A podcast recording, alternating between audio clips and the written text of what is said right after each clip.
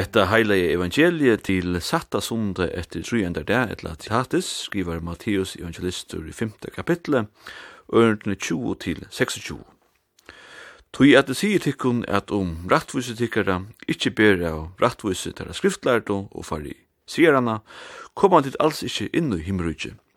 Tid av hårst at det hever vært sagt vita gomlo, tu måst ikkje slo i hel, men kvart han og i slær og i hel skal være sekur fyrir dominum Men i tikkun er at kvør og i reier inna brauersøyn skal være sikker for domunon, og kvør og sier vi brauersøyn raka, det er armintje, skal være sikker for røynon, og kvør og sier morre, det er dare, skal være sikker til helvetes eld. Om tu tui best fram gavetøyna og altare, og det her kjemur ter i hoa, at brauertøyna hever okkurst i modet her, så let gav ut henne vera liggjande her framma fri noen, og fer fyrsta sted og vi samtur vi brortun og kom sujan og ber fram gav ut henne. Vi sjåtur til sattes vi motståmantun, medan du enn erst vi honom lei, Fyre til søk at ikkje motståmævren skal leta til til domarans og domaren til sveinsens og tuvira kordur fengehus. Sannelig sier til her, Ikki skal du sleppa ut at hene for enn du har rinta til et seinasta øyra. Om Rattvusetykkara ikkje ber av rattvuset herra skriftlærdo og fariserana koma til alls ikkje i himmerujtje. Nu hilde vi kanskje at det var nekrir som ikkje høtt oss helja rent mjøle påsandun, så var det skriftlærder og fariserar. Var det ikkje teir som Jesus platt i a seta oppa plåss, Felags fyrir bei skriftlærdar og fariserar voru i fleste førun, at her voru ikkje nekrir dummer hundar.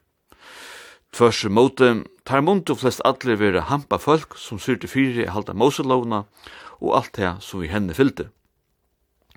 Men utsøknen til Jesus jo om at okkara rattvise skal være større enn tann kjøpei skriftlærdun og farisearun, er samsundus eisne ein kritikkur av bægi skriftlærdun og farisearun. Vi er i byenene av fjalla prædikene og a slå i hel, a drepa, som tei tutsi bøyene til sida Moseloven avsetur i banna, og hette er tui betur eisne parster av okkara lovarverski og det. Men Jesus fer langur. Eisne og hesen føren er han radikalur, eins han er til i fleste føren og i fjallapratikne. Jesus sier at alt det som er opprunnen til drap, det kan være ildstøva eller øvensjuka, heldur ikkje skal være en parster av okkun. Tal sier at det som vi tuksa, lango er parster av tog vi gjerra. Tog hver av okkun kan sier seg frujan eller fruja fyre, omgang tog at heva veri øvensjuk. Øvensjuka som er det øvete av at ha iverskått til å gledast om ta det gongst okkara nasta vel. Søvan om Bajanar, Kain og Abel i Gamla Testamentet er eisen søvan om hvordan øvensjukan kom inn i verina. Ta Kain ikkje fekk det som Abel fekk, sier til Kain fyre at Abel heller ikkje skulle få det vi at drepa han. Øvensjuka er ikkje unna hino neka. Upprunnen til drapet er altså øvensjukan, og sambart Jesus er og gjerin og kjenslan pastor av som søk. Så hovas tei fakstu av akun mun hava framt mandrap, mun de flestu korsene kjenna til øvnsjuko, og sambart Jesus er ongin stipendling ui okkar hugsan. Hava vit veri øvnsjuk, høyra vit öll til sama bølg. Tui okkara rattvise skal vera større enn tja skriftlærden og fariseerden. Tar voru, som sagt ikkje buttur, men sirtu du fyrir halda Moselovna Og det er ikkje hetta som Jesus kritiserar der fire. Men han kritiserar der fire at heir vi hesun eisne fremja sjolvrås, At heir som halda lovuna, samstundes finnast at øron som ikkje mekna at halda moselovuna. Det er tar at sikvo på at det var vunne rattvise gode som der halda seg hava gjørse verdt var til. Og hetta enda vi sjálv rattvise, Det var hetta som sambart Jesus var gælig tja farisearen. Tar var sjolv rattviser i mån til ånder menneskje. Tar låto ikkje fære at vi bor noen hva at ånder gjør det gælig. Og her er det at det slei av rattvise som Jesus tåser om verur vidgjørst. To Jesus venter som ikke eina fyrir ödlun og høtte og sier at han som vreien og øversjukan rekar, til å si offre kjolt, eisne hever nekka er bytja uppatur. Tann ui fyrir vannbyte hevur eisne ábyrd.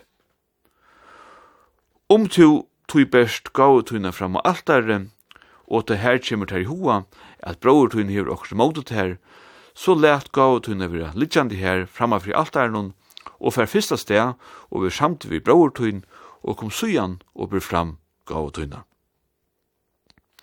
Nå er det altså ikke langer bare hin øvensjutje kajen som er i kikaren og til Jesus, men han krever eisne nekka av apelle som var fyrir åratte.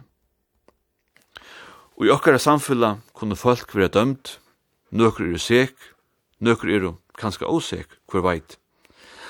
Men og Jesu fjallarpratiko vera við öll dømt, bæði tei som er øvensjuk og teg som øvensjukan gongur og divir. Vi er öll menneskju, og tog eier kærleikjen alltid a vinna av lovene. Kærleikjen som sier er at vi eier sete okkara medmenneske i hasete og fyrtjeva hver øron. Tui at sier tikkun at om rattvise tikkara ikkje ber av rattvise tæra skriftlærdo og fari sierana koma dit alls ikkje inn i himmerujje. Vi endur kvöld vi stikkinun bene Diktus etter Nils V. Gade.